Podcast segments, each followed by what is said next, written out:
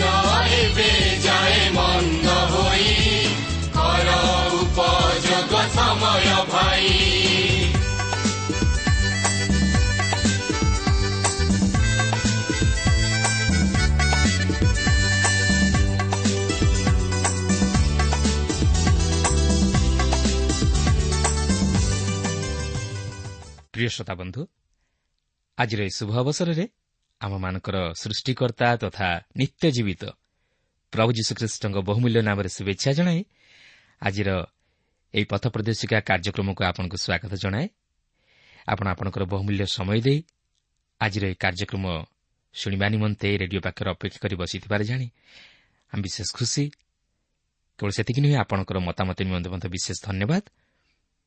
ତେବେ ଆମେ ଆପଣଙ୍କ ନିମନ୍ତେ ପ୍ରାର୍ଥନା କରୁଅଛୁ। ଆଉ ସେହି ପ୍ରଭୁ ଯୀଶୁ ନିଶ୍ଚିତ ଭାବରେ ଆପଣଙ୍କର ସମସ୍ୟା ସମାଧାନ କରିବେ। ସେ ଆପଣଙ୍କର ଦୁଃଖ ଦୂର କରିବେ। ସେ ଆପଣଙ୍କର ସହିତରେ ରହି ସମସ୍ତ ବିଷୟରେ ଆପଣଙ୍କୁ ସୁରକ୍ଷା ପ୍ରଦାନ କରିବେ ଓ ଆଶୀର୍ବାଦ କରିବେ। କିନ୍ତୁ ସେ ଚାହାନ୍ତି ଆପଣଙ୍କର ଦୃଢ଼ ବିଶ୍ୱାସ। ଯଦି ଆପଣ ତାଙ୍କଠାରେ ଦୃଢ଼ ବିଶ୍ୱାସ ସ୍ଥାପନ କରନ୍ତି ତାହେଲେ ଆପଣ ଆପଣଙ୍କ ଜୀବନରେ ତାଙ୍କର ସେ ଅଲୌକିକ କାର୍ଯ୍ୟମାନ ଦେଖିବାକୁ ପାରିବେ। ତେବେ ଆମର ଅନୁରୋଧ ଆପଣ ନିଜେ ଏହି କାର୍ଯ୍ୟକ୍ରମ ଶୁଣିବା ସଙ୍ଗେ ସଙ୍ଗେ ଅନ୍ୟମାନଙ୍କୁ ଶୁଣାଇବାରେ ସାହାଯ୍ୟ କରନ୍ତୁ ଆଉ ଯଦି ଆପଣଙ୍କର ଜୀବନର ସାକ୍ଷ୍ୟ ଅଥବା ପ୍ରାର୍ଥନାର ଅନୁରୋଧ ଥାଏ ତାହେଲେ ତାହା ଲେଖି ଜଣାଇଲେ ଆମେ ଆପଣଙ୍କ ନିମନ୍ତେ ପ୍ରାର୍ଥନା କରିବୁ ଆସନ୍ତୁ ପ୍ରଭୁଙ୍କର ବାକ୍ୟ ମଧ୍ୟକୁ ଯିବା ପୂର୍ବରୁ ସଂକ୍ଷେପରେ ପ୍ରାର୍ଥନା କରିବା। ପ୍ରିୟ ପବିତ୍ର ପ୍ରଭୁ ତୁମର ପବିତ୍ର ନାମର ଧନ୍ୟବାଦ କରୁଅଛୁ ଏହି ସୁନ୍ଦର ସମୟ ପାଇଁ ସୁଯୋଗ ପାଇଁ ଜୀବନ୍ତ ବାକ୍ୟ ପାଇଁ। ପ୍ରଭୁ ଆମେ ଜାଣୁ ତୁମର ବାକ୍ୟ ଆମମାନଙ୍କ ନିମନ୍ତେ ଶକ୍ତିଦାୟକ ସାନ୍ତ୍ୱନାଦାୟକ ବଳଦାୟକ ଭରସାଦାୟକ। ପ୍ରଭୁ ତୁମର ସେ ବାକ୍ୟ ମଧ୍ୟ ଦେଇ ତୁମେ ଆଜି ପ୍ରତ୍ୟେକ ଶ୍ରୋତାବନ୍ଧୁମାନଙ୍କ ହୃଦୟରେ କଥା କୁହ। ପ୍ରତ୍ୟେକଙ୍କର ସମସ୍ୟା ତୁମେ ସମାଧାନ କର। ପ୍ରତ୍ୟେକଙ୍କୁ ତୁମର ସେହି ପରିଚାଳନାର ଆନନ୍ଦକୁ ଉପଲବ୍ଧି କରିବା ପାଇଁ ସାହାଯ୍ୟ କର। ଆଜିର ଏହି କାର୍ଯ୍ୟକ୍ରମ ମଧ୍ୟ ଦେଇ ତୁମର ପବିତ୍ର ଉପସ୍ଥିତି ଆମମାନଙ୍କୁ ଉପଲବ୍ଧି କରିବା ପାଇଁ ଦିଅ। ତୁମର ଇଚ୍ଛା ତୁମର ଅଭିମତ ତୁମେ ଆମ ପ୍ରତ୍ୟେକଙ୍କ ଜୀବନରେ ସଫଳ କର। ଏହି ସମସ୍ତ ପ୍ରାର୍ଥନା ଆମମାନଙ୍କୁ ଉଦ୍ଧାରକର୍ତ୍ତା ଜୀବିତ ପୁନରୁଦ୍ଧିତ ପ୍ରିୟ ପ୍ରଭୁ ଯୀଶୁଙ୍କ ନାମରେ ଏ ଅଳ୍ପ ଭିକ୍ଷା ମାଗୁଅଛୁ। ଆମେନ୍।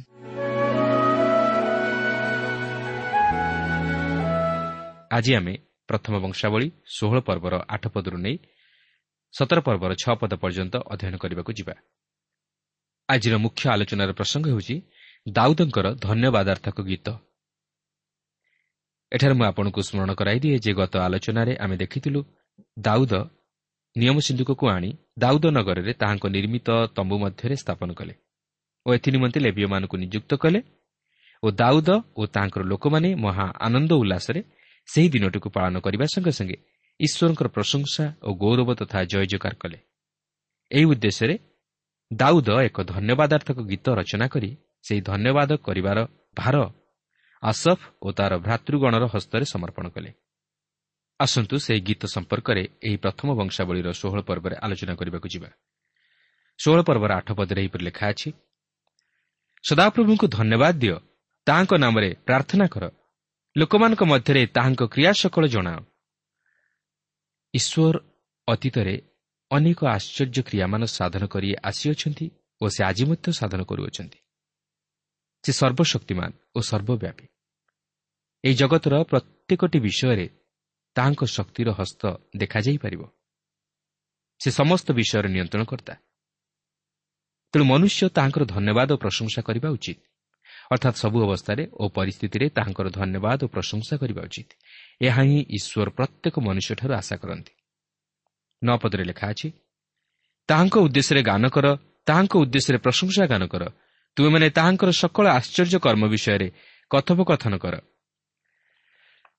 ଗୀତ ମାଧ୍ୟମରେ ଈଶ୍ୱରଙ୍କର ପ୍ରଶଂସା କରିବା ଏକ ଗୁରୁତ୍ୱପୂର୍ଣ୍ଣ ବିଷୟ।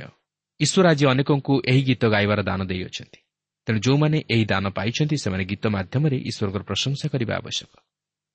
ଯଦିବା ପ୍ରଭୁ ଆପଣଙ୍କୁ ଗୀତ ଗାଇବାର ଦାନ ଦେଇନାହାନ୍ତି ତଥାପି ଆପଣ ପ୍ରଭୁଙ୍କ ଉଦ୍ଦେଶ୍ୟରେ ଏକ ଆନନ୍ଦର ସ୍ୱର ଉତ୍ତୋଳନ କରିପାରିବେ। ହୋଇପାରେ ଆପଣ ଭଲ ସ୍ୱର ଦେଇ ଗାଇ ନ ପାରନ୍ତି ମାତ୍ର ଆପଣ ବ୍ୟକ୍ତିଗତ ଭାବେ ଗୀତ ଗାଇ ତାହାଙ୍କର ପ୍ରଶଂସା କରିପାରିବେ। ଦଶ ଓ ଏଗାର ପଦରେ ଲେଖା ଅଛି ତୁମେମାନେ ତାଙ୍କ ପବିତ୍ର ନାମରେ ଦର୍ପ କର। ଯେଉଁମାନେ ସଦାପ୍ରଭୁଙ୍କର ଅନ୍ୱେଷଣ କରନ୍ତି ସେମାନଙ୍କ ଚିତ୍ତ ଆନନ୍ଦିତ ହେଉ। ତୁମେମାନେ ସଦାପ୍ରଭୁଙ୍କର ଓ ତାହାଙ୍କ ଶକ୍ତିର ଅନ୍ୱେଷଣ କର। ସର୍ବଦା ତାହାଙ୍କ ମୁଖର ଅନ୍ୱେଷଣ କର। ଜାକୁବ ଚାରିପର୍ବର ଆଠ ପଦରେ ଲେଖା ଅଛି ଈଶ୍ୱରଙ୍କର ନିକଟବର୍ତ୍ତୀ ହୁଅ ସେଥିରେ ସେ ତୁମମାନଙ୍କର ନିକଟବର୍ତ୍ତୀ ହେବେ। ପରିତାଣ ପ୍ରାପ୍ତ ହେବା ନିମନ୍ତେ ଆମେ ସମସ୍ତେ ପ୍ରଭୁ ଯୀଶୁ ଖ୍ରୀଷ୍ଟଙ୍କର ନିକଟବର୍ତ୍ତୀ ହୋଇ ତାହାଙ୍କୁ ଆମମାନଙ୍କର ଉଦ୍ଧାରକର୍ତ୍ତା ରୂପେ ବିଶ୍ୱାସ କରିବାକୁ ହେବ। କାରଣ ଈଶ୍ୱର ପ୍ରତିଜ୍ଞା କରି କହିଅଛନ୍ତି ଯେ ଆମେ ଖ୍ରୀଷ୍ଟଙ୍କଠାରେ ବିଶ୍ୱାସ କଲେ ଉଦ୍ଧାରପ୍ରାପ୍ତ ହେବା। କିନ୍ତୁ ଏହା ଆମମାନଙ୍କର ଈଶ୍ୱରଙ୍କ ସହିତ ସହଭାଗିତାକୁ ନିଶ୍ଚିତ କରାଏ ନାହିଁ। ଆମ୍ଭମାନଙ୍କୁ ଆମମାନଙ୍କର ଦୈନନ୍ଦିନ ଜୀବନରେ ଈଶ୍ୱରଙ୍କ ସହିତ ସଂଯୁକ୍ତ ଜୀବନଯାପନ କରିବାକୁ ହେବ ଓ ତାହାଙ୍କର ସହାୟତା ତଥା ଶକ୍ତିକୁ ଲୋଡ଼ିବାକୁ ହେବ ଓ ଈଶ୍ୱରଙ୍କ ବାକ୍ୟ ଅନୁଯାୟୀ ଜୀବନଯାପନ କରିବାକୁ ହେବ। ସେଥିପାଇଁ ଲେଖା ଅଛି ତୁମେମାନେ ସଦାପ୍ରଭୁଙ୍କର ଓ ତାହାଙ୍କ ଶକ୍ତିର ଅନ୍ୱେଷଣ କର। ସର୍ବଦା ତାହାଙ୍କ ମୁଖର ଅନ୍ୱେଷଣ କର। ଅର୍ଥାତ୍ ଆମମାନଙ୍କୁ ସଦାସର୍ବଦା ତାହାଙ୍କ ଉପରେ ନିର୍ଭର କରି ତାହାଙ୍କ ସହ ସଂଯୁକ୍ତ ହୋଇ ରହିବାକୁ ହେବ ଓ ତାହାଙ୍କ ମୁଖ ଅନ୍ୱେଷଣ କରିବାକୁ ହେବ। ଆପଣ କ'ଣ ନିରନ୍ତର ତାହାଙ୍କ ଆଡ଼କୁ ଉର୍ଦ୍ଧ୍ୱଦୃଷ୍ଟି କରନ୍ତି କି? ଆପଣ ସକାଳୁ ବିଛଣାରୁ ଉଠିବା ପରେ ପ୍ରଥମେ କ'ଣ ଚିନ୍ତା କରନ୍ତି? ଆପଣ ଯେତେବେଳେ ରାତ୍ରିରେ ଶଯ୍ୟାକୁ ଯାଆନ୍ତି ସେତେବେଳେ ଆପଣ ଶେଷ ବିଷୟ କ'ଣ ଚିନ୍ତା କରନ୍ତି? ଆପଣ କ'ଣ ଦିନସାରା ଈଶ୍ୱରଙ୍କ ବିଷୟ ଚିନ୍ତା କରନ୍ତି? କିମ୍ବା କୌଣସି କାର୍ଯ୍ୟ କରିବାକୁ ଗଲେ ଆପଣ ଈଶ୍ୱରଙ୍କୁ ପଛରେ ପକାଇ ଚାଲିଯାଆନ୍ତି? ମାତ୍ର ଆମେ ସଦାସର୍ବଦା ଈଶ୍ୱରଙ୍କୁ ଧ୍ୟାନ କରିବା ଉଚିତ ଓ ତାହାଙ୍କୁ ସ୍ମରଣ କରିବା ଉଚିତ। ବାର ଓ ତେର ପଦରେ ଲେଖା ଅଛି ହେ ତାହାଙ୍କ ଦାସ ଇସ୍ରାଏଲ୍ର ବଂଶ ହେ ଜାକୁବର ସନ୍ତାନଗଣ ତାହାଙ୍କର ମନୋନୀତ ଲୋକ ତୁମେମାନେ ତାହାଙ୍କ କୃତ ଆଶ୍ଚର୍ଯ୍ୟ କ୍ରିୟା ତାହାଙ୍କ ଅଦ୍ଭୁତ ଲକ୍ଷଣ ଓ ତାହାଙ୍କ ମୁଖ ନିର୍ଗତ ଶାସନ ସକଳ ସ୍ମରଣ କର। ବାସ୍ତବରେ ଏହି ସୃଷ୍ଟିକୁ ଦେଖିଲେ ବଡ଼ ଆଶ୍ଚର୍ଯ୍ୟ ଲାଗେ।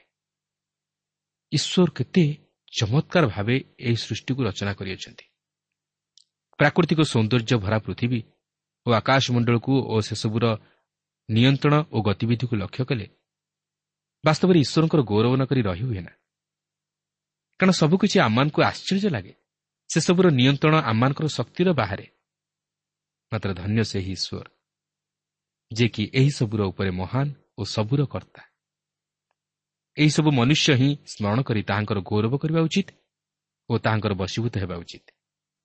ଚଉଦରୁ ସତର ପଦ ମଧ୍ୟରେ ଏହିପରି ଲେଖା ଅଛି ସେ ସଦାପ୍ରଭୁ ଆମ୍ଭମାନଙ୍କର ପରମେଶ୍ୱର ଅଟନ୍ତି। ତାଙ୍କର ଶାସନ ସମୁଦାୟ ପୃଥିବୀରେ ପ୍ରଚଳିତ ଅଛି। ତାଙ୍କ ନିୟମ ଚିରକାଳ ସ୍ମରଣ କର। ସେହି ବାକ୍ୟ ସେ ସହସ୍ର ପୁରୁଷ ପରମ୍ପରା ପ୍ରତି ଆଦେଶ କରିଅଛନ୍ତି। ସେହି ନିୟମ ସେ ଅବ୍ରାହମଙ୍କ ସଙ୍ଗେ କରିଥିଲେ ଓ ସେହି ଶପଥ ସେ ଇସାହାକଙ୍କ ପ୍ରତି କରିଥିଲେ।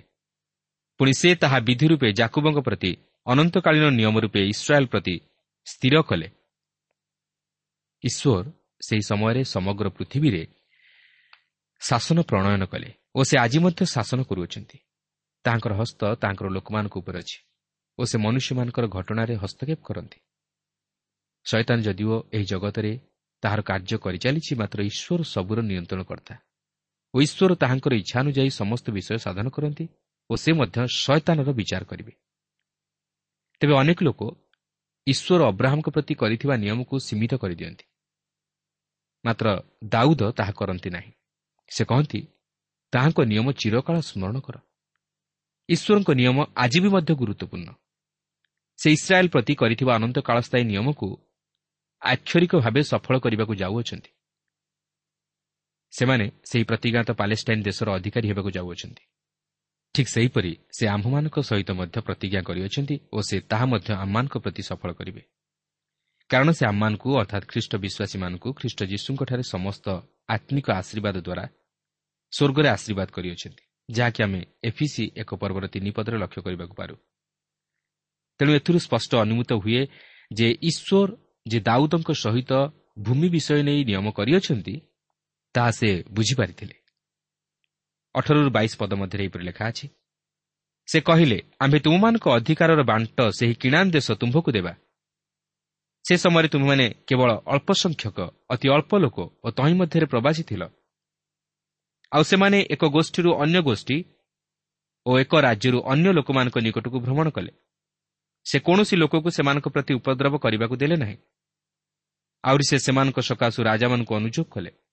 କହିଲେ ଆମ୍ଭର ଅଭିଷିକ୍ତମାନଙ୍କୁ ସ୍ପର୍ଶ ନ କର ଓ ଆମ୍ଭର ଭବିଷ୍ୟତ ବକ୍ତାମାନଙ୍କ ପ୍ରତି କୌଣସି କ୍ଷତି ନ କର।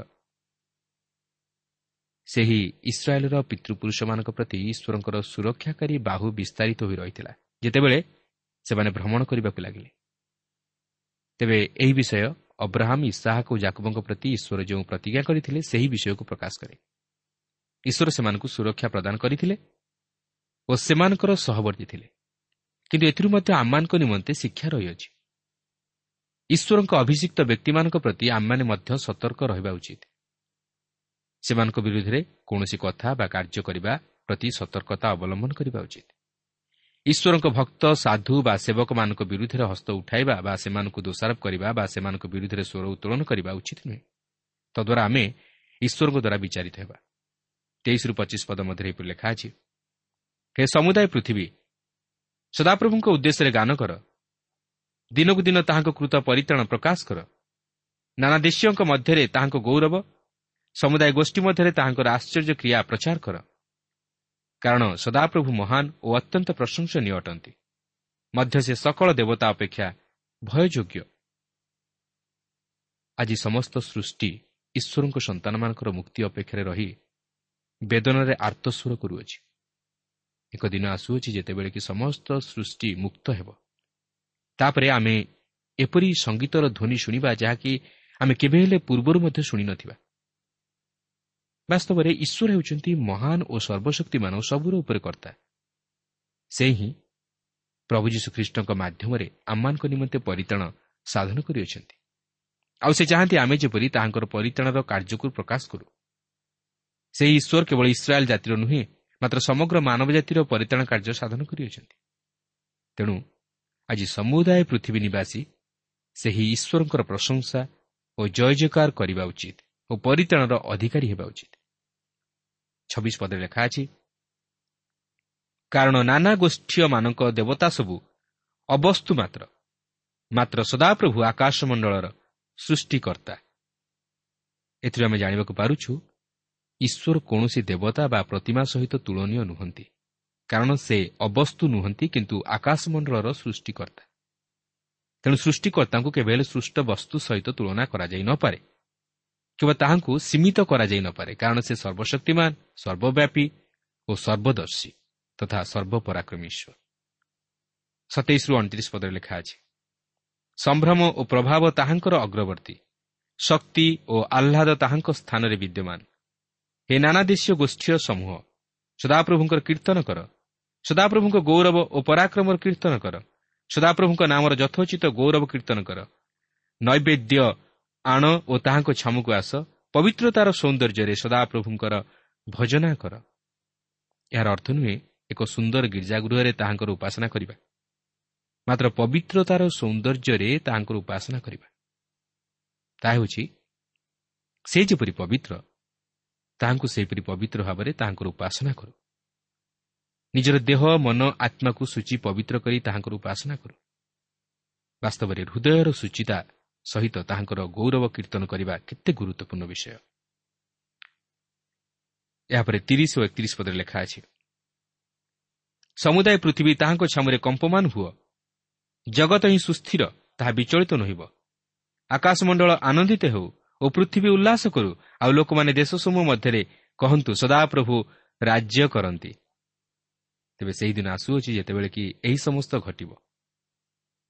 ଏହାପରେ ବତିଶ ଓ ତେତିଶ ପଦରେ ଲେଖା ଅଛି ସମୁଦ୍ର ଓ ତହିଁର ପୂର୍ଣ୍ଣତା ଗର୍ଜନ କରୁ କ୍ଷେତ୍ର ଓ ତନ୍ମଧ୍ୟସ୍ଥ ସକଳ ଜୟଧ୍ୱନି କରନ୍ତୁ। ସେତେବେଳେ ବନସ୍ଥ ବୃକ୍ଷ ଶ୍ରେଣୀ ସଦାପ୍ରଭୁଙ୍କ ସମ୍ମୁଖରେ ଆନନ୍ଦରେ ଗାନ କରିବେ କାରଣ ସେ ପୃଥିବୀର ବିଚାର କରିବାକୁ ଆସୁଅଛନ୍ତି। ଆପଣ ଦେଖନ୍ତୁ ବୃକ୍ଷ ସକଳ ଗାନ କରିବାକୁ ଯାଉଅଛନ୍ତି। ମୁଁ ମଧ୍ୟ ସେହି ଦିନ ପାଇଁ ଅପେକ୍ଷା କରୁଅଛି। ଆପଣ ପ୍ରଶ୍ନ କରିପାରନ୍ତି ଯେ ସେମାନେ ଗାନ କରିବେ ବୋଲି ଆପଣ କିପରି ଭାବନ୍ତି? ତେବେ ମୁଁ ତାହା ଜାଣେ ନାହିଁ ମାତ୍ର ଯେତେବେଳେ ଆମେ ସେହି ଦିନରେ ପଦାର୍ପଣ କରିବା ଆପଣ ଓ ମୁଁ ଆମେ ଉଭୟ ସେହିସବୁ ବିଷୟ ଜାଣିପାରିବା। ଏହା ଅତି ଚମତ୍କାର ବିଷୟ ହେବ। ଏହି ସମସ୍ତ ଈଶ୍ୱରଙ୍କର ପ୍ରଶଂସା ପ୍ରକାଶ କରିବ। ଚଉତିରିଶ ପଦରେ ଲେଖା ଅଛି। ସଦାପ୍ରଭୁଙ୍କର ଧନ୍ୟବାଦ କର କାରଣ ସେ ମଙ୍ଗଳମୟ କାରଣ ତାହାଙ୍କର ଦୟା ଅନନ୍ତ କାଳ ସ୍ଥାୟୀ। ଈଶ୍ୱର ଦୟାରେ ଉଣା ନୁହନ୍ତି। ଦୟା ଯାହାକି ଆମେ ପ୍ରତ୍ୟେକ ଆବଶ୍ୟକ କରୁ ସେ ଦୟାର ଆକର। ତାହାଙ୍କ ନିକଟରେ ପ୍ରଚୁର ଦୟା ଅଛି। କିନ୍ତୁ ଆମ୍ଭମାନଙ୍କୁ ତାହାଙ୍କର ନିକଟବର୍ତ୍ତୀ ହୋଇ ସେହି ଦୟାର ଅଧିକାରୀ ହେବାକୁ ହେବ ଯେହେତୁ ଈଶ୍ୱର ଦୟାବାନ। ପଇଁତିରିଶରୁ ଚାଳିଶ ପଦରେ ଲେଖା ଅଛି। ଆଉ ତୁମେମାନେ କୁହ ହେ ଆମ୍ଭମାନଙ୍କ ପରିତାଣର ପରମେଶ୍ୱର ଆମମାନଙ୍କୁ ତ୍ରାଣ କର ଆମମାନଙ୍କୁ ସଂଗ୍ରହ କର ଓ ଦେଶୀୟମାନଙ୍କଠାରୁ ଆମ୍ଭମାନଙ୍କୁ ଉଦ୍ଧାର କର ତାହେଲେ ଆମ୍ଭେମାନେ ତୁମ୍ଭ ପବିତ୍ର ନାମର ଧନ୍ୟବାଦ କରିବା ଓ ତୁମ୍ଭ ପ୍ରଶଂସାରେ ଜୟଧ୍ୱନି କରିବା। ଅନାଦି କାଳରୁ ଅନନ୍ତକାଳ ପର୍ଯ୍ୟନ୍ତ ସଦାପ୍ରଭୁ ଇସ୍ରାଏଲର ପରମେଶ୍ୱର ଧନ୍ୟ ହୁଅନ୍ତୁ। ଏଥିରେ ସମଗ୍ର ଲୋକ କହିଲେ ଆମେନ୍ ଓ ସଦାପ୍ରଭୁଙ୍କର ପ୍ରଶଂସା କଲେ। ଏଥିଉତାରେ ଦାଉଦ ପ୍ରତିଦିନର ପ୍ରୟୋଜନାନୁସାରେ ସିନ୍ଧୁକ ସମ୍ମୁଖରେ ନିତ୍ୟ ପରିଚର୍ଯା କରିବା ନିମନ୍ତେ ଆସଫକୁ ଓ ତାହାର ଭ୍ରାତୃଗଣକୁ ସଦାପ୍ରଭୁଙ୍କ ନିୟମ ସିନ୍ଧୁକ ସମ୍ମୁଖରେ ରଖିଲେ ଆଉ ଓବେଦ ଇଦମ ଓ ସେମାନଙ୍କର ଅଠଷଠି ଜଣ ଭ୍ରାତା ମଧ୍ୟ ଜିଦୁଥୁନ୍ର ପୁତ୍ର ଓବେଦ ଇଦମ ଆଉ ହୋସା ଦ୍ୱାରପାଳ ହେଲେ ଆଉ ଇସ୍ରାଏଲ୍ ପ୍ରତି ଆଦିଷ୍ଟ ସଦାପ୍ରଭୁଙ୍କ ବ୍ୟବସ୍ଥାର ସମସ୍ତ ଲିଖନ ପ୍ରମାଣେ ସଦାପ୍ରଭୁଙ୍କ ଉଦ୍ଦେଶ୍ୟରେ ହୋମବଦୀ ଉପରେ ନିତ୍ୟ ପ୍ରାତକାଳୀନ ଓ ସନ୍ଧ୍ୟାକାଳୀନ ହୋମବଳି ଉଚ୍ଚର କରିବା ପାଇଁ ସାଧକ ଯାଜକ ଓ ତାହାର ଯାଜକ ଭ୍ରାତୃଗଣ ଗିବିଅନସ୍ଥ ଉଚ୍ଚସ୍ଥଳୀରେ ସଦାପ୍ରଭୁଙ୍କ ଆବାସ ସମ୍ମୁଖରେ ରହିଲେ। ସେମାନେ ଈଶ୍ୱରଙ୍କ ନିମନ୍ତେ ପଥ ଖୋଲା ରଖିଲେ। ପ୍ରକୃତରେ ସାଉଲଙ୍କର ରାଜତ୍ୱ ସମୟରେ କ୍ରମାଗତ ଭାବେ ବଳିଦାନ ଓ ଉପାସନାମାନ ଅନୁଷ୍ଠିତ ହେଉନଥିଲା। କିନ୍ତୁ ଦାଉଦ ବର୍ତ୍ତମାନ ତାହା ପରିଚାଳନା କରୁଅଛନ୍ତି। ନିୟମ ସିନ୍ଧୁକ ଜିରୁସାଲାମରେ ଅଛି ଓ ଯେଉଁମାନେ ନିୟମିତ ଭାବେ ନିୟମ ସିନ୍ଧୁକ ସମ୍ମୁଖରେ ପରିଚର୍ଯା କରିବେ ସେମାନଙ୍କୁ ସେ ନିଯୁକ୍ତି ଦେଲେ ଓ ଯେଉଁମାନେ ଈଶ୍ୱରଙ୍କ ସମ୍ମୁଖରେ ଉପାସନା କରିବେ ଓ ତାହାଙ୍କ ରାଜ୍ୟର ଆତ୍ମିକ ବିଷୟ ପ୍ରତି ଦୃଷ୍ଟି ଦେବେ ସେମାନଙ୍କୁ ସେ ନିଯୁକ୍ତି ଦେଲେ। ବାସ୍ତବରେ ଦାଉଦଙ୍କର ଏହି କାର୍ଯ୍ୟ ଅତି ଚମତ୍କାର ଥିଲା। ସେ ଆତ୍ମିକ ବିଷୟ ଉପରେ ବିଶେଷ ଗୁରୁତ୍ୱ ଦେଇଥିଲେ। ଏହାପରେ ଏକଚାଳିଶ ପଦରେ ଲେଖା ଅଛି ପୁଣି ସଦାପ୍ରଭୁଙ୍କ ଦୟା ଅନନ୍ତ କାଳ ସ୍ଥାୟୀ ଏଦୁ ତାହାଙ୍କର ଧନ୍ୟବାଦ କରିବା ପାଇଁ ହେମନ୍ ଓ ଜିଦୁଥୁନ୍ ପୁଣି ଯେଉଁ ଅବଶିଷ୍ଟ ମନୋନୀତ ଲୋକମାନଙ୍କ ନାମ ଲେଖାଗଲା ସେମାନେ ଉକ୍ତ ଲୋକଙ୍କ ସଙ୍ଗେ ରହିଲେ। ଏହି କାରଣରୁ ଆମ୍ଭେମାନେ ମଧ୍ୟ ଈଶ୍ୱରଙ୍କୁ ଧନ୍ୟବାଦ ଦେବା ଉଚିତ କାରଣ ତାହାଙ୍କ ଦୟା ଅନନ୍ତ କାଳ ସ୍ଥାୟୀ। ଏହାପରେ ବୟାଳିଶ ଓ ତେୟାଳିଶ ପଦରେ ଏହିପରି ଲେଖା ଅଛି ଆଉ ହେମନ୍ ଓ ଜିଦୁଥୁନ୍ ତୁରି ଓ କରତାଳ ଓ ପରମେଶ୍ୱରଙ୍କ ଗୀତାର୍ଥକ ବାଦ୍ୟଯନ୍ତ୍ର ବଜାଇବା ପାଇଁ ଉଚ୍ଚ ଧ୍ୱନିକାରୀମାନଙ୍କ ସଙ୍ଗରେ ରହିଲେ ଆଉ ଜିଦୁଥୁନ୍ର ପୁତ୍ରମାନେ ଦ୍ୱାରପାଳ ହେଲେ। ଏଥି ଉତ୍ତାରେ ସମଗ୍ର ଲୋକ ପ୍ରସ୍ଥାନ କରି ଆପଣା ଆପଣା ଗୃହକୁ ଗଲେ ଆଉ ଦାଉଦ ଆପଣାର ପରିଜନ ବର୍ଗକୁ ଆଶୀର୍ବାଦ କରିବା ପାଇଁ ଫେରିଗଲେ। ବାସ୍ତବରେ ଈଶ୍ୱରଙ୍କ ବିଷୟ ପ୍ରତି ମନ ଦେବା ଓ ଈଶ୍ୱରଙ୍କ ବାକ୍ୟ ପ୍ରତି ମନୋଯୋଗୀ ହେବା ନିତାନ୍ତ ଆବଶ୍ୟକ। ଓ ଈଶ୍ୱରଙ୍କୁ ଧନ୍ୟବାଦ ଦେବା ମଧ୍ୟ ନିତାନ୍ତ ପ୍ରୟୋଜନ। ଏହାଦ୍ୱାରା ଆମେ ଈଶ୍ୱରଙ୍କର ସନ୍ତୋଷ ଭାଜନ ହୋଇପାରିବା ଓ ଆଶୀର୍ବାଦର ଅଧିକାରୀ ହେବା ସଙ୍ଗେ ସଙ୍ଗେ ଜୀବନରେ ସଫଳତା ଲାଭ କରିପାରିବା ଓ ଈଶ୍ୱରଙ୍କର ମହତ ଅଭିମତକୁ ସଫଳ କରିପାରିବା। ବର୍ତ୍ତମାନ ଆମେ ସତର ପର୍ବ ମଧ୍ୟକୁ ଯିବା। ଏହି ସତର ପର୍ବର ମୁଖ୍ୟ ବିଷୟବସ୍ତୁ ହେଉଛି ଦାଉଦ ଓ ମନ୍ଦିର। ଦାଉଦଙ୍କର ଈଶ୍ୱରଙ୍କ ନିମନ୍ତେ ମନ୍ଦିର ନିର୍ମାଣ ଈଶ୍ୱରଙ୍କୁ ଏତେ ଦୂର ଆପ୍ୟାୟିତ କରିଥିଲା ଯେ ସେ ଏଠାରେ ଦ୍ୱିତୀୟ ସାମ୍ୟୁଏଲ୍ର ସାତ ପର୍ବରେ ଉଲ୍ଲେଖ ହୋଇଥିବା ଘଟଣାବଳୀକୁ ଏହିଠାରେ ପୁନରାବୃତ୍ତି କରନ୍ତି। ଦେଖନ୍ତୁ ସତର ପର୍ବର ପ୍ରଥମ ପଦରେ ଏହିପରି ଲେଖା ଅଛି ଅନନ୍ତର ଦାଉଦ ଆପଣା ଗୃହରେ ବାସ କରୁଥିବା ବେଳେ ସେ ନାଥନ ଭବିଷ୍ୟତ ବକ୍ତାଙ୍କୁ କହିଲେ ଦେଖ ମୁଁ ଏରସ କାଷ୍ଠ ନିର୍ମିତ ଗୃହରେ ବାସ କରୁଅଛି ମାତ୍ର ସଦାପ୍ରଭୁଙ୍କ ନିୟମ ସିନ୍ଧୁକ ଯବନିକା ମଧ୍ୟରେ ବାସ କରୁଅଛି। ମୁଁ ଭାବୁଛି ଯେ ପୂର୍ବଦିନ ରାତିରେ ବର୍ଷା ହୋଇଥିଲା ଓ ଦାଉଦ ସେହି ବର୍ଷାର ଟପ୍ ଟପ୍ ଶବ୍ଦ ସେହି ପ୍ରାସାଦ ମଧ୍ୟରେ ଥାଇ ଶୁଣୁଥିଲେ। ନିୟମ ସିନ୍ଧୁକ ଯେ ସେହି ତମ୍ବୁ ମଧ୍ୟରେ ରହିଅଛି ଏକଥା ତାଙ୍କର ମନେ ପଡ଼ିଯାଇଥିବ। ତେଣୁ ସେ ବର୍ତ୍ତମାନ ନାଥନକୁ କହନ୍ତି ନାଥନ ମୁଁ ଈଶ୍ୱରଙ୍କ ନିମନ୍ତେ ଏକ ଗୃହ ନିର୍ମାଣ କରିବାକୁ ଚାହେଁ। ଦୁଇ ପଦରେ ଲେଖା ଅଛି ତରେ ନାଥନ ଦାଉଦଙ୍କୁ କହିଲେ ତୁମ୍ଭ ହୃଦୟରେ ଯାହା ଅଛି ତାହା ସବୁ କର କାରଣ ପରମେଶ୍ୱର ତୁମ୍ଭ ସଙ୍ଗରେ ଅଛନ୍ତି। ନାଥନ କହିଲେ ରାଜା ଦାଉଦ ଆପଣଙ୍କର ଚିନ୍ତାଧାରା ପୁରାପୁରି ଠିକ୍ ଅଛି। କିନ୍ତୁ ସେ ଯାହା ନା କାହିଁକି? ନାଥନ ମଧ୍ୟ ଏପରି କହିବା ଭୁଲ ଥିଲା। କାରଣ ନାଥନଙ୍କ କହିବା ଅନୁଯାୟୀ ତାହା ସଫଳ ହେଲା ନାହିଁ। ମାତ୍ର ଏହା ନାଥନ ଓ ଦାଉଦଙ୍କ ନିମନ୍ତେ ଏକ ଶିକ୍ଷା ସ୍ୱରୂପ ଥିଲା। ତିନି ପଦରୁ ପାଞ୍ଚ ପଦ ମଧ୍ୟରେ ଏହିପରି ଲେଖା ଅଛି ଏଉତାରେ ସେହି ରାତ୍ରିରେ ପରମେଶ୍ୱରଙ୍କ ବାକ୍ୟ ନାଥନଙ୍କ ନିକଟରେ ଉପସ୍ଥିତ ହେଲା ଯଥା ଯାଅ ଆମ୍ଭ ଦାସ ଦାଉଦକୁ ଜଣାଅ ସଦାପ୍ରଭୁ ଏହି କଥା କହନ୍ତି ତୁମ୍ଭେ ଆମ୍ଭ ନିମନ୍ତେ ବସତି ଗୃହ ନିର୍ମାଣ କରିବ ନାହିଁ। କାରଣ ଆମ୍ଭେ ଇସ୍ରାଏଲ୍କୁ ବାହାର କରି ଆଣିବା ଦିନଠାରୁ ଆଜି ପର୍ଯ୍ୟନ୍ତ କୌଣସି ଗୃହରେ ବାସ କରିନାହୁଁ। ମାତ୍ର ଏ ତମ୍ବୁରୁ ସେ ତମ୍ବୁକୁ ଓ ଏକ ଆବାସରୁ ଅନ୍ୟ ଆବାସକୁ ଯାଇଅଛୁ। ଈଶ୍ୱର ତାହାଙ୍କ ଲୋକମାନଙ୍କ ସହିତ ନିଜକୁ ପରିଚିତ କରାଇଥାନ୍ତି। ତେଣୁକରି ସେହି କାରଣରୁ ସେ ମାନବ ରୂପ ଧାରଣ କରି ଏହି ଜଗତକୁ ଆସିଲେ। ପୁରାତନ ନିୟମରେ ସେ ତମ୍ବୁରେ ତାହାଙ୍କ ଲୋକମାନଙ୍କ ସହିତ ସାକ୍ଷାତ କଲେ ଯେହେତୁ ସେମାନେ ତମ୍ବୁରେ ବାସ କରୁଥିଲେ। ମାତ୍ର ଏଠାରେ ଆମେ ଏକ ଆଶ୍ଚର୍ଯ୍ୟର ବିଷୟ ଲକ୍ଷ୍ୟ କରୁଅଛୁ ଯେ ଈଶ୍ୱର ଦାଉଦଙ୍କ ଚିନ୍ତାଧାରା ସହିତ ଏକମତ ନଥିଲେ। ଛଅ ପଦରେ ଲେଖା ଅଛି ଆମ୍ଭେ ସମୁଦାୟ ଇସ୍ରାଏଲ୍ ସହିତ ଯେସବୁ ସ୍ଥାନରେ ଗମନାଗମନ କଲୁ ତହିଁ ମଧ୍ୟରୁ କୌଣସି ସ୍ଥାନରେ ଆମ୍ଭ ଲୋକମାନଙ୍କୁ ପାଳନ କରିବା ପାଇଁ ଯେଉଁମାନଙ୍କୁ ଆଜ୍ଞା କରିଥିଲୁ ଇସ୍ରାଏଲ୍ର ଏପରି କୌଣସି ବିଚାରକର୍ତ୍ତାକୁ ତୁମେମାନେ କିଏ ତୁ ଆମ୍ଭ ପାଇଁ ଏରସ କାଷ୍ଟର ଗୃହ ନିର୍ମାଣ କରିନାହଁ? ଏପରି ଏକ କଥା କ'ଣ ଆମ୍ଭେ କହିଅଛୁ? ବର୍ତ୍ତମାନ ଯେତେବେଳେ ଇସ୍ରାଏଲ୍ ଲୋକମାନେ ସେହି ପ୍ରତିଜ୍ଞାତ ଦେଶ ମଧ୍ୟରେ ପ୍ରବେଶ କରି ଚିରସ୍ଥାୟୀ ଗୃହ ସବୁ ନିର୍ମାଣ କଲେ ସେତେବେଳେ ସେମାନେ କୌଣସି ଚିରସ୍ଥାୟୀ ମନ୍ଦିର ନିର୍ମାଣ କରିନଥିଲେ।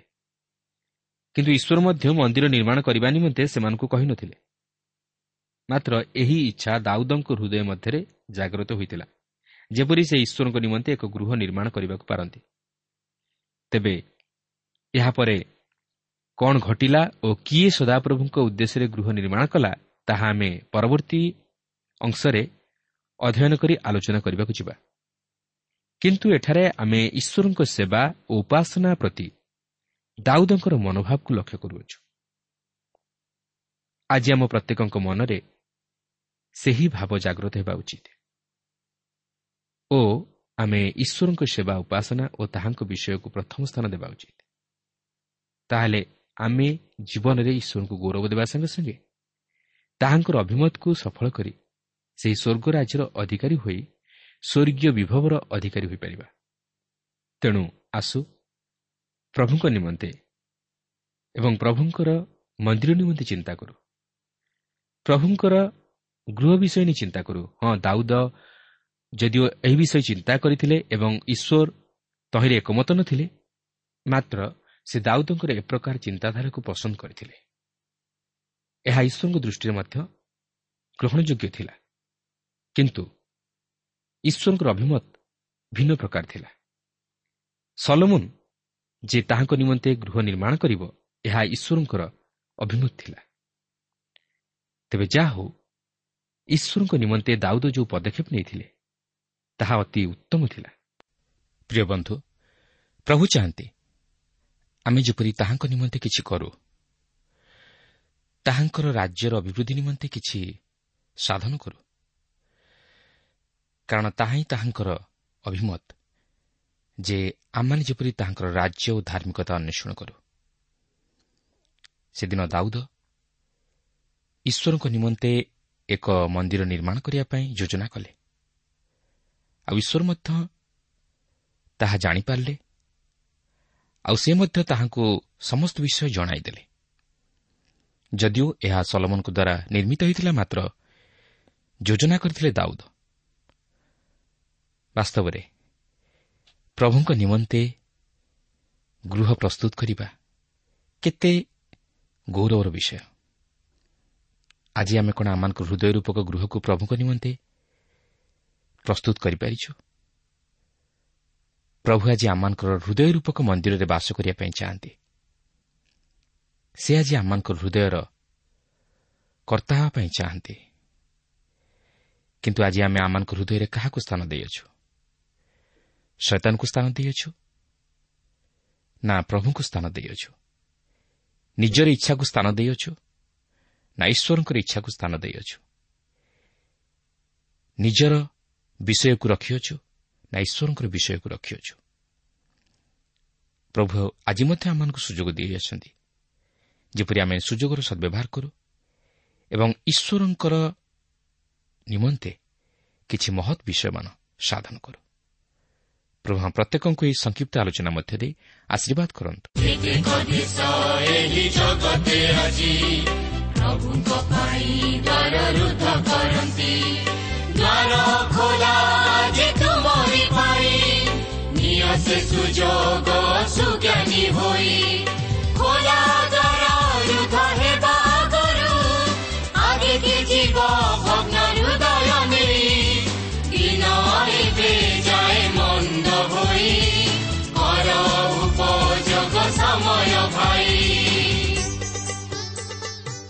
ଶ୍ରୋତା ଏହି କାର୍ଯ୍ୟକ୍ରମ ଶୁଣିଥିବାରୁ ଆପଣଙ୍କୁ ଅଶେଷ ଧନ୍ୟବାଦ ଏହି କାର୍ଯ୍ୟକ୍ରମ ଆପଣଙ୍କୁ କିପରି ଲାଗିଲା ଓ କେଉଁ ବିଷୟଟି ଆପଣଙ୍କ ହୃଦୟକୁ ଅଧିକ ସ୍ପର୍ଶ କରିଛି ତାହା ଲେଖି ଜଣାଇଲେ ଆମେ ବିଶେଷ ଉପକୃତ ହେବୁ ଯଦି କିଛି ପ୍ରଶ୍ନ ବା ସନ୍ଦେହ ଥାଏ ତାହା ପତ୍ର ମାଧ୍ୟମରେ ଅଥବା ଟେଲିଫୋନ୍ ଯୋଗେ ଆମକୁ ଜଣାନ୍ତୁ ଆମର ଠିକଣା ପଥ ପ୍ରଦର୍ଶିକା Trans World Radio India post box number তিন তিন ভুবনেশ্বর সাত পাঁচ এক শূন্য শূন্য এক mobile number nine seven double seven double two one four one five ঠিকଣାটি আউଥରେ ଶୁଣନ୍ତୁ ପଥ ପ୍ରଦର୍ଶିକା Trans World Radio India post box number three three Bhubaneswar seven five one zero zero one mobile number nine seven double seven double two one four one five ଆମର email ଆଡ୍ରେସ୍ଟି ଲେଖି ରଖନ୍ତୁ Odia TTV at radio eight eight two dot com ତେବେ ଆଜି ପାଇଁ ଏଠାରେ ରଖୁଛୁ। ନମସ୍କାର।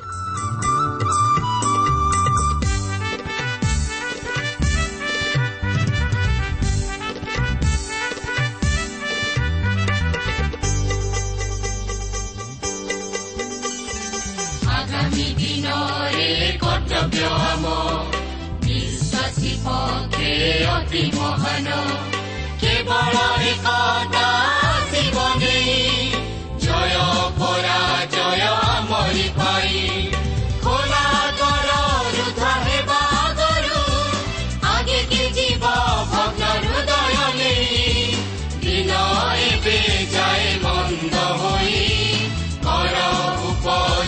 সময় ভাই